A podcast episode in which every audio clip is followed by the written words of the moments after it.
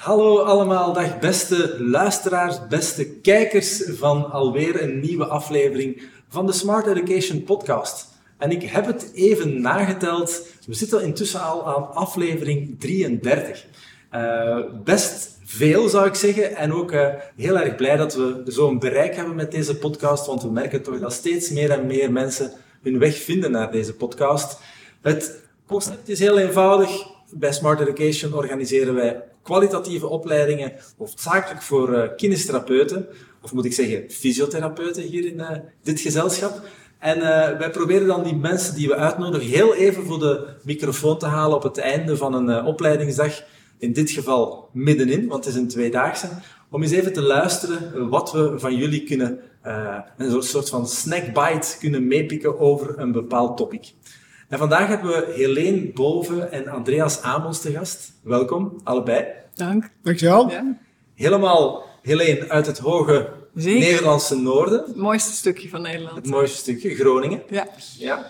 En uh, jij woont in Amsterdam? Uh, ja, ik woon uh, in Haarlem. Ja. En ik, ik werk in Hoofddorp. Hoofddorp, ja. ja. Wel, we gaan het heel kort even aan onze kijkers en luisteraars voorstellen wie jullie zijn. Mag ik dat doen? Ja, zeker. Ja, zeker. Alleen wat ik van jou weet is dat je een manueel therapeute bent. Uh, dat je eigenlijk ook gespecialiseerd hebt rond alles wat met hoofdpijn te maken heeft. Uh, je hebt intussen ook een eigen uh, kliniek of een eigen praktijk, zeggen we hier. Ja. en je bent ook voorzitter van het, voorzitter van het Hoofdpijnnetwerk Nederland. En in die omstandigheid hè, ben je hier eigenlijk vandaag de gast. Samen met Andreas, die, uh, Andreas Amels, die dan, zoals je zei, in Hoofddorp uh, um, actief bent. Hè? Uh, ook als fysiotherapeut, manueel therapeut. Je geeft ook les aan het SONT, ons ja. wel bekend hier in Vlaanderen. En tenslotte ben je ook aan het promoveren over hoofdpijn, over migraine, mensen met migraine. Ja. En ook jij bent dus met andere woorden expert om deze, dit topic van vandaag, hoofdpijn aangepakt. Hoe ga je ermee aan de slag om het daarover te hebben? Zeker, Zo. ja, precies. Nu, jullie zijn hier vandaag al een hele dag um, actief geweest met een leuke groep Vlaamse kines. Zeker, dat was een leuke groep, ja. Ja, en wat mij opviel was, en dat vond ik wel leuk, jullie zijn de uh, opleiding gestart met een quiz. Uh, mag ik eens vragen, heeft het beantwoord aan de verwachtingen, het kennisniveau van de Vlaamse kinestherapeut? Ik denk dat ze zeker de eerste vragen hebben gevraagd: goh, hoe schat je jezelf in qua kennis? Uh, qua klassificaties, qua pathofysiologie. Uh, dat ze zichzelf redelijk uh, voorzichtig hebben uh, ingeschaald. en daarna hebben we behoorlijk wat inhoudelijke vragen gesteld, waarin ik zelf ook tegen Andreas zei van, goh, we hebben wel best wel een pittige quiz opgezet. Nou, dat, is, dat was wisselend. Maar het gaf een mooi beeld ook van, hé, hey, daar moeten we juist nog even wat meer ja. kennis over delen. Of hier kunnen we misschien wat meer de diepte ingaan. Ja. ja. Eigenlijk ja, best hoge score ook. Ja, precies, zo'n cursus geeft toch een, uh, zo'n zo'n uh, quiz geeft toch een uh, indruk um, waar mensen behoefte misschien aan hebben. Is het juist de diagnostiek of de klassificatie die dan juist ja. nog wat onbekend is? Of zijn het meer de pathofysiologie, sommige achterliggende constructen die onbekend zijn? En daar proberen we natuurlijk op in te spelen in zo'n cursus. Ja, ja, inderdaad. En dat was ook de, het opzet hè, van uh, het hele twee, de hele tweedaagse. Ja. Nu, hoofdpijn is het centrale thema. Um, heel veel collega-kinestherapeuten zien en manueel therapeuten zien natuurlijk hoofdpijnpatiënten uh, in hun praktijk. Um, en de hamvraag hier van de opleiding, vond ik, moest zijn, hoe pakken we dat aan? Hè? Um, er komt een patiënt binnen met hoofdpijn. wat is het eerste dat je doet? En dat is meteen een vraag. Hè? Ja, dus je begint te kijken van wat voor soort hoofdpijn is dat? Klopt. Um, en die vraag kan je alleen maar stellen als je wat achtergrondinformatie hebt van, uh, van verschillende vormen. En uh, daar, dat is wel grappig dat je daar toch ook in de, in de, nu in de cursus vandaag wel ziet dat sommige mensen dat nog niet zo heel duidelijk omschreven een idee daarover hebben. En ik denk na zo'n dag dat het een veel duidelijker beeld geeft dat ze kunnen zeggen, nou, het lijkt meer op een spanningshoofdpijn of het is toch iets meer migraine. Uh, en daar proberen we ook handen en voeten aan te geven, zodat ze aangrijpingspunten hebben om die diagnostiek beter aan te gaan. Ja. Ja, je ziet ook gedurende zo'n dag dat het, het klinisch redeneren ook al meer op gang komt. Omdat ze veel specifieker eh, nou, die verschillende hoofdpijnen gaan, gaan bedenken en over na gaan denken. Dat het niet allemaal nou, onder één noemer meer gaat. Plus dat eh, je met hoofdpijnpatiënten ook veel met andere disciplines werkt. Uh, en dan is het gewoon goed om één taal te kunnen spreken. Zodat je uh, ook als kinesio of als manueel therapeut weet van welke klassificaties zijn er. Uh, Ja. om ook de communicatie En, en goed die te houden. klassificaties, hoe moeilijk is dat om die klassificatie te maken? Is dat een uitdaging, denk je? Ja, dat denk ik wel. Eh, dat was vandaag ook gelijk alweer een leuke discussie. Dat je, ehm, je leert het, wat je ze aandoet, is echt zo van, oké, dit is vanuit de theorie. Maar vervolgens eh, zul je toch merken, op maandag komt de eerste patiënt en dan denk je, oké, nou weet ik het. En dan doet weer net een mengelvorm of die doet weer net de variatie. Dus het is goed om vanuit de basis te werken. Maar ja, in de praktijk heb je toch altijd net weer eh, misschien een variant erop. De praktijk Dus is weer wel- barstig eigenlijk. Ja. Hè? Dus het is altijd zo dat je moet zoeken wat past nou het best. Eh, hè, soms inderdaad, wat Helene zegt, dan zitten sommige hoofdpijnvormen op elkaar of door elkaar heen. Dan zal je echt moeten pluizen en kijken waar ligt nou de nadruk. Eh, heeft deze mevrouw misschien echt twee verschillende hoofdpijnen? En welke kan ik nou wat aan doen? Waar kan ik nou wat mee als manueel therapeut of als fysiotherapeut? Ja, dan springen we al een heel eindje vooruit naar interventie. Maar als we nog even teruggaan naar het anamnestische verhaal, ehm, dan moeten we ons misschien ook afvragen welke belangrijke vragen mag een therapeut niet over het hoofd zien? Pun intended. Welke, welke vraag zou je moeten altijd stellen bij hoofdpijnpatiënten? Dat je zegt, dat mag je echt wel niet Het vergeten. beloop, beloop, beloop. van de klachten. Ja, Eh, eh, En je kijkt altijd naar de, eh, de, de, de vragen die niet mogen missen. Zijn de frequentie van de hoofdpijn, de intensiteit en de duur. En, en wat voor soort, hè, de kwaliteit van de pijn. Daarmee kan je over het algemeen een heel deel van de, van die klassificatie vullen. Als je dat, eh, die karakteristieken weet. Dus dat is heel belangrijk. Ja, ja. En ehm, na het anamnestische komt er natuurlijk ook het klinisch onderzoek.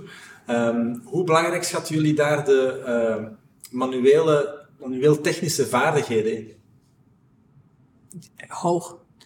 Ik denk dat je goed moet kijken van eh, welke testen zet je in.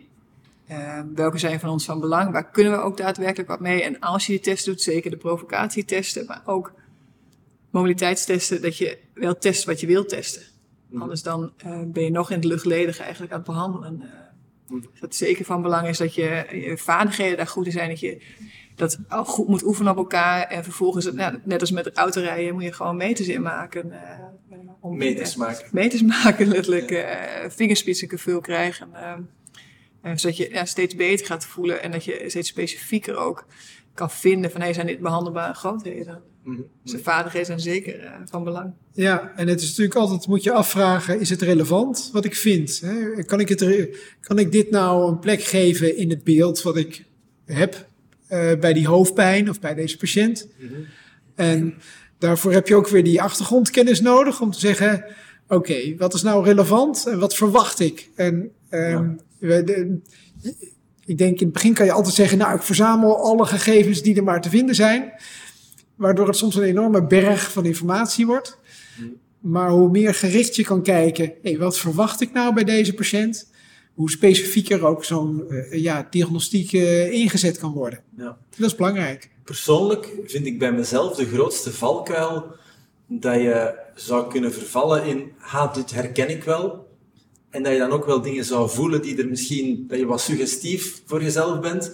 En dat je op die manier wel soms ook wel wat dingen mist en dat het niet verloopt zoals je, zoals je verwacht. Hebben jullie dat ook? Of eh, jullie natuurlijk niet, hè, dat weet Nee, ik. maar- nee, nee, nee, nee, nee. Nee, dat hebben we natuurlijk allemaal in Ja. die zin. Want je krijgt ook wel een beetje een bias. eh, Ja, dus je moet goed ja. blijven. Dat hebben we vandaag ook aangegeven. Van, eh, je leert het en, en vervolgens zie je op maandag in één keer dat allemaal ontstaan in de praktijk. Dus dan moet je ook wel weer goed bedenken van heb ik nou de focus erop of niet. En eh, aan de ene kant dus eh, klinisch redeneren, maar aan de andere kant wel breder blijven kijken. Want ehm, ehm, we hebben vandaag ook heel erg gehad over de rode vlaggen. Waar moet je op letten? Mhm. Ehm, want ehm, het moet wel een patiënt zijn die, die voor ons te behandelen zijn. Of dat hij denkt, nee, die moet eigenlijk doorgestuurd worden, want er is heel iets anders aan de hand. Ehm, dus ja, die moet wel specifiek blijven daar inderdaad. Ja, ja, ja. Nu, als we dan ook weer wat verder gaan, we zijn al aan het behandelen. Ehm, dan denk ik ook dat jullie een antwoord zullen bieden of al een deel uh, aangeraakt hebben in deze opleiding over de rol en de plaats van uh, manipulaties in de aanpak van cervicogene pijn, slash migraine, slash tension type, spanningshoofdpijn. Tension type headache, tension ja. type, ik draai ze altijd, altijd om. Type tension. Oké, okay, maar dus welke rol of welke plaats hebben manipulaties hierin? Is daar een eenduidig antwoord op of moeten we daar ja. nuance brengen? Ja, dat denk ik. Dat denk ik. Um, het is ook niet de bedoeling om met zo'n cursus een soort kookboek te maken van deze behandeling is uh, de beste. Of dit zal altijd op deze manier kunnen verlopen. Dus je zal altijd een afweging moeten maken van de gevonden dysfuncties die je vindt. De relatie van deze dysfuncties met die hoofdpijn. En dan nog een kijken van wat past nou bij deze patiënt. Uh, voor manipulaties moet je toch vaak een soort risico-batenanalyse maken. Hè, wat is de evidentie voordat het gaat werken? Mm. Wat zijn de mogelijke risico's? Hoe effectief denk ik dat het is? Maar ook hoe bekwaam voel je ermee, hè? Op het moment dat je Ja. als therapeut al niet bekwaam mee bent. Hoeveel meters dat je al hebt. Ja, hè? absoluut. Zeker weer. Ja. Ja. Ja. Maar we bieden ook alternatieven aan. Ik denk dat de manipulatie niet altijd per se hoeft. Ja. En er zijn altijd wel alternatieven die mogelijk zijn. Er zijn meerdere wegen naar Rome, denk ik. Ja. Dat klopt. En naar Ja. Groningen ook. Hè. ja. En naar Leuven. Eh, nu ja, hoofdpijn, dat zien we ook. Dat treedt vaak op in combinatie met andere musculoskeletale klachten, met psychosociale factoren, of in combinatie met bepaalde pathologieën. Ehm, naar jullie erva- ervaring, enerzijds en, en volgens de literatuur, want die twee lopen natuurlijk dicht bij elkaar, wat zijn de meest voorkomende eh, comorbiditeiten, zal ik zeggen? Eh, de depressie, Depressie? stress, eh, slaapstoornissen. De, je ziet natuurlijk dat de centrale sensitisatie meespeelt. Dus dan moet je ook denken aan de fibromyalgie-patiënten, waar sowieso al dat al meer aan de oppervlakte ligt. Mhm. Lage rugklachten in die zin. Ja. Meer de chronische lage rugklachten hebben dan. Ja. Dat kan, maar ook, ook kaakklachten, hè, dat is beschreven. We hadden vandaag ook enkele eh orofaciaaltherapeuten. En ik denk dat, eh, ehm, dat ook voor orofaciaaltherapeuten hoofdpijn een veel geziene klacht is. En daar zit een overlap in. in die nekklacht en die kaakklacht. En beide kunnen natuurlijk hoofdpijn veroorzaken. Mhm. Dus daar moet oog voor zijn. Ja, ja. Nu ja, jullie hebben, eh, je hebt het ook al even aangehaald, Helene, eh, het belang van die multidisciplinaire aanpak, van soms ook te kunnen doorverwijzen eh, binnen dat zorgpad voor hoofdpijnpatiënten. Ehm, kan jullie, kun jullie benoemen wie dan juist die stakeholders zijn? Jullie doen dat zelf, dat multidisciplinaire. Wie zit daar allemaal in, in zo'n team? De huisarts is natuurlijk eigenlijk de eerste deur waar de meeste patiënten aankloppen. Eh, de neuroloog, de hoofdpijnverpleegkundige, dat ligt eraan aan wat voor centrum je zit. eh, de apotheker, want het gaat natuurlijk vaak met veel eh, medicatiegebruik ook gepaard. Eh, de psycholoog, eh, de orofaciaaltherapeut, al de psychosomatische fysiotherapeut wordt eh, eventueel specifiek ingevlogen als die factoren eh, de overhand gaan nemen. Denk wel dat Kinderfysiotherapeut. zo. Kinderfysiotherapeut, Oké. zeker. Komt veel Of- voor, hè? kinderen met hoofdpijn. Veel, ja. En het is een hele dan- andere groep. In die, het, is, ja, het heeft gelijkenissen, maar het is ook weer een andere aanpak die je daar hebt. eh, dus dat is altijd goed om in het tandem te doen. eh. En hoe moet ik me dat voorstellen? Eh, jullie organiseren dat echt fysiek, zo'n multidisciplinair overleg, op vaste tijdstippen? Of is dat Ja. een netwerk dat je hebt? Dat je zegt van, kijk, ik moet jou even... hier- Helene heeft het netwerk. Ja, Helene heeft het netwerk georganiseerd. Hè? Dat is een heel mooi voorbeeld van hoe samenwerking met de tweede lijn zou kunnen zijn. ja. Ehm, ik denk wel dat eh, wat ook in de richtlijnen nu naar voren komt als advies, is dat eh, de zorg voor hoofdpijn over het algemeen in de eerste lijn geregeld kan worden. Dat er niet per se vaak een, een tweede lijns traject eh, bij hoeft. Dus ik denk ook dat het eh, voor ons als fysiotherapeut in de eerste lijn en vooral de huisarts in de eerste lijn, dat die de behandelaars moeten zijn voor hoofdpijn. En slechts in gevallen waar het eh, niet eh, om een primaire hoofdpijn gaat of om uitzonderingen, dat die naar de tweede lijn moeten. Mhm. Dus ik denk dat dat eigenlijk wel een punt van ontwikkeling en aandacht is. Dat het Ja. meer naar de eerste lijn toe moet. Het is echt ook een van onze kerndoelen eh, binnen de, de stichting van Hoofdpijnnetwerk Noord. Dat we eh, bezig gaan met ehm, van kunnen we mensen die op de wachtlijst staan eh, bij de neuroloog, Ja. ehm, die soms drie tot zes maanden moeten wachten. Dan komen ze bij een neuroloog en dan blijken ze... vroeger een intake voorzien. Ja, ze blijken en krijgen dan een, ten- een, een, een intake. En ehm, die zitten dan vervolgens, worden ze door de neuroloog eh, in ons netwerk naar ons gestuurd. En dan heb ik ze letterlijk zo achter mijn bureau. En dan heb ik zes maanden op de neuroloog gewacht. En die heeft vijf minuten naar me geluisterd. ja. En nou zit ik hier alsnog weer. En er zitten echt heel veel bij die we dan toch goed blijken te kunnen helpen. Mhm. En dat we daar ook, en gelukkig is de neuroloog die we in het noorden waar we mee samenwerken, dokter Padberg, die staat er ook echt voor open. Die zegt ook van ja, er ligt echt nog wel ruimte voor jullie eh, Mhm. eh, om te kijken van kunnen we niet eh, die patiënten toch al eerder zeggen van oké, je staat op de wachtlijst, eh, maar je zou ook alvast een consult bij de fysiotherapeut, bij de manueel therapeut die daar daadwerkelijk meer mee doet, Mhm. eh, om te kijken of daar al behandelbare grootheden zijn voor ons. Ja. Er staan ook heel vaak mensen op die een medicatie-overuse zoek- eh, use headache hebben. Ehm, en die komen dus ook uiteindelijk naar altijd wachten. En dan zegt de neuroloog van nou ga eerst maar terug naar huis en ga maar eh, dat eerst doen. Mhm. Nou, die kunnen er echt al wel af. Dus daar zit ook een stukje inderdaad de eerste lijn voor de huisarts. Toch wel dat die beter geschoold kunnen worden nog in eh, ehm, voor ons. Dat we daar nog weer meer mee kunnen. Ja. En we hebben begrepen dat in België eh, alles per huisarts verwezen moet Ja. worden. Dus Klopt. ik denk dat het eh, Wel, ik aan jullie in, zeggen, in, België jullie is, hier eh, een aantal collega's enthousiasmeren om ook eens mee na te denken over hoe kunnen we dat hier gaan organiseren, Ja. want dat is hier ik denk, eh, onbestaande. ja. Ja, Ja. dus maar dat bij wij, is het ook nog maar net dat jullie daarmee starten. Ja, we hebben het in het noorden. En, of is het ehm, centraal in Nederland ook al zo? nee, nog Nou, we, zijn, we zijn wel bezig, eh, maar dat gaat, ja, dit is allemaal, eh, dat, dat gaat met hele kleine stapjes. Ja, eh, pionierswerk. Het is Ja. echt pionierswerk.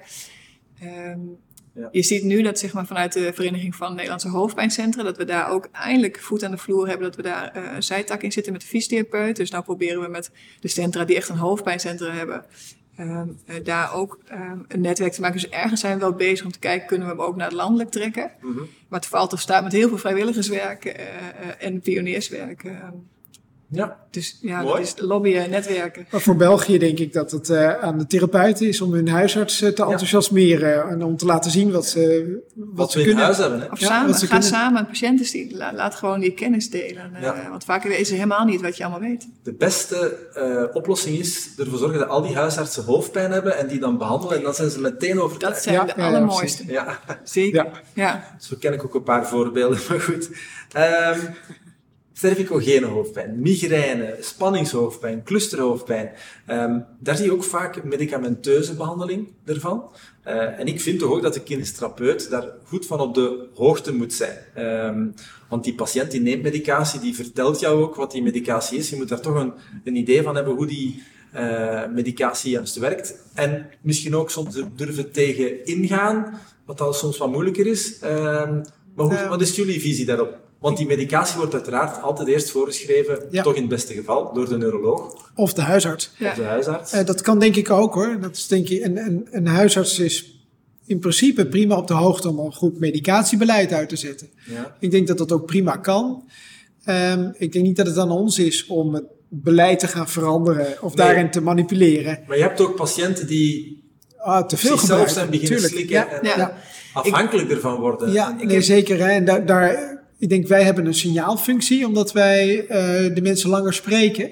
Maar we zullen dat altijd in overleg natuurlijk met de huisarts of met de neuroloog eh, daar tot een oplossing komen. Wij zijn eerder de mensen die dat aan kunnen geven als de mensen die bepalen hoe dat dan eh, moet veranderen. Ik denk dat, zoals het in Nederland in ieder geval is, dat de huisarts heeft 10 minuten. Eh men haalt daar echt veel minder uit dan dat wij een half uur of een uur hebben in anamnese. Dat je daardoor echt vaker nou, verkeerde medicatiegebruik eruit kan halen. Mhm.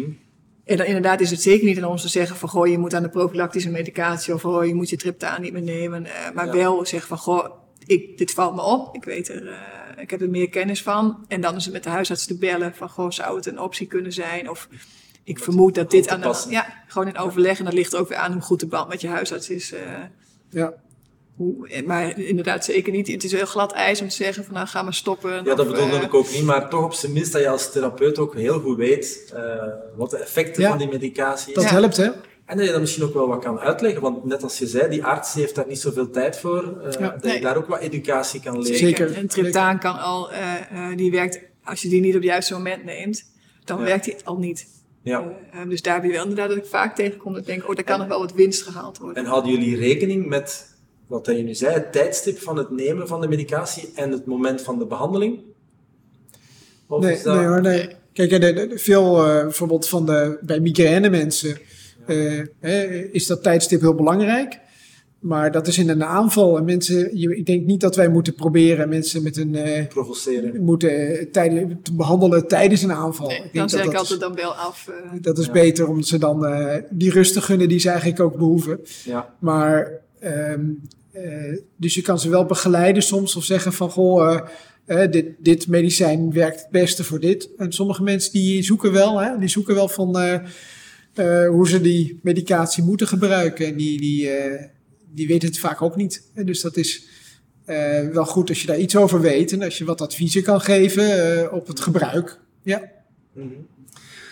Ook iets wat we nog niet aangehaald hebben is, uh, heel kort misschien wel, Helene heeft het wel aangehaald hoor, maar uh, de aandacht die we moeten hebben voor levensstijlfactoren, zoals slaaprentjes bijvoorbeeld, die dus een rol spelen in hoofdpijn.